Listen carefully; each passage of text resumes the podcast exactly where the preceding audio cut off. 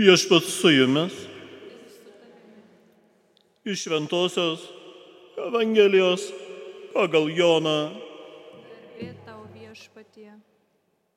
Pakėlęs akis į dangų Jėzus meldėsi. Šventasis tėve, ne tik už juos aš meldžiu, bet ir už tuos, kurie per jų žodį mane įtikės. Todėl visi bus viena, kaip tu tėve manyje ir aš tavyje. Tegul ir jie bus viena mumise, kad pasaulis įtikėtų, jog tu esi mane siuntęs. Ir tą šlovę, kurią esi man suteikęs, aš perdaviau jiems, kad jie būtų viena, kaip mes esame viena, aš juose ir tu manyje, kad jie pasiektų tobulą vienybę ir pasaulis pažintų, jog tu esi mane siuntęs ir juos myli taip, kaip mane mylėjai. Tėve, aš noriu, kad tavo man pavestieji būtų su manimi ten, kur ir aš, kad jie pamatytų mano šlovę, kurią esi man suteikęs, nes pamilai mane prieš pasaulio įkūrimą. Teisingasis tėve, pasaulis tavęs nepažino, o aš tave pažinau ir šitie pažino, jog tu mane atsiuntėjai.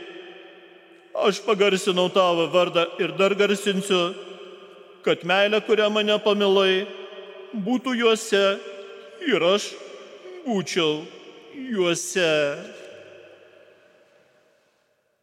Tai viešpatės žodis. Šlovė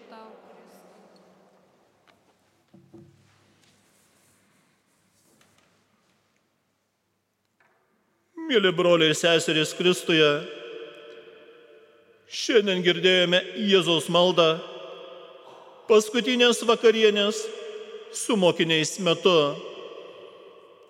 Viešpats meldžiasi ne tik už mokinius, bet ir už tuos, kurie, kaip jis sako, per jų žodį mane įtikės. Kitaip tariant, jis meldžiasi už mus už kiekvieną iš mūsų. Malda pabrėžia, kaip svarbu išlikti vienybėje vienam su kitu Kristuje. Tik jei krikščionys išliks vieningi Kristuje, evangelizacija bus vaisinga ir leis kitiem įtikėti. Šios dienos Evangelijoje Kristus melčia vienybės.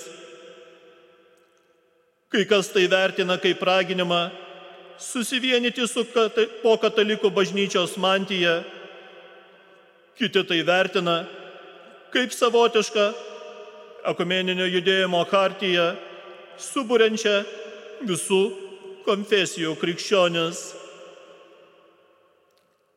Katalikų bažnyčios katekizmas sako, kad Kristus nuo pat pradžių dovanojo savo bažnyčiai vienybę, o vienybė išlieka katalikų bažnyčioje. Ši vienybės vizija kyla iš pripažinimo, kad Kristus yra galva ir kad jis pasirinko vesti mus per šventąjį Petrą ir visus popiežius bei vyskupus, kurie atėjo iš jo šventinimo linijos. Ekumenistai šią Evangeliją laiko įgaliojimu sugriauti susiskaldimą, kuris priešino vieną žmonių grupę su kita. Jie atkreipė dėmesį į šventąjį Paulių, kalbantį Galatams, sakydamas, kad Kristuje nebėra nei žydo, nei graiko, nebėra nei vergo, nei laisvojo, nebėra nei vyro, nei moters. Visi jūs esate viena Kristuje Jėzuje. Abu požiūriai galioja, bet nesvarbu, iš kokio objektyvo žiūrėtume į šią Evangeliją. Šio sunaus maldos tėvui tonas naktį prieš jo mirtį aiškiai parodo, kad kelias į vienybę yra tiesiog per Kristaus meilę. Kaip tėvas ir Jėzus myli vienas kitą, taip Jėzus myli savo mokinius, taip jo mokiniai turi mylėti vienas kitą. Tikėjai mokiniai ir mes visi liksime Dievo meilėje, galėsime pamatyti Jėzaus šlovę, šlovę, kurią jis turi su tėvu. Ir būtų natūralu numanyti, kad ši malda orientuota į vienybę, varome per meilę, yra tokia, kurią Jėzus melčia iki šiol, užtardamas kiekvieną iš mūsų vardan mūsų. Jėzus melčia, kad susiburtume kaip vienas. Tiesą sakant, jis jau mato mus kaip vieną. Kai Jėzus žiūri į krikščionis, jis nemato mūsų kaip atskirų individų. Žinoma, jis atpažįsta mus kaip asmenis, bet kaip asmenis bendraujančius vienas su kitu. Jis nemato mūsų kaip atskirų vienas nuo kito. Jo vizija - mes esame viena. Jei Jėzus mato mus taip, tai reiškia, kad mes turėtume matyti save taip pat. Taigi šiandien pamastykime apie tėvo meilę sūnui ir apie sūnaus meilę tėvui ir žinokime, kad meilė, kurią jie jaučia kiekvienam iš mūsų, negali būti nei atimta, nei patobulinta, nes tai yra visapusiška meilė.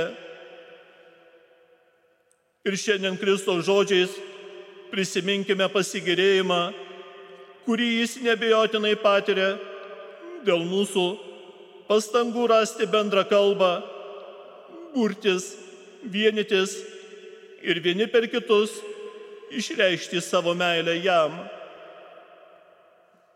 Atsakymas į Kristaus maldą esame mes, kai tik patys nuolankiai mylime vienas kitą. Tad kiekvieną gyvenimo akimirką melskime daugiau vienybės mūsų šeimose, parapijoje, bendruomenėse ir pasaulyje. Išplėskime, išplėskime Jėzaus maldą tėvui, kad pasaulis sužinotų, jog tėvas myli mus taip, kaip mylėjo savo viengimi sūnų. Amen.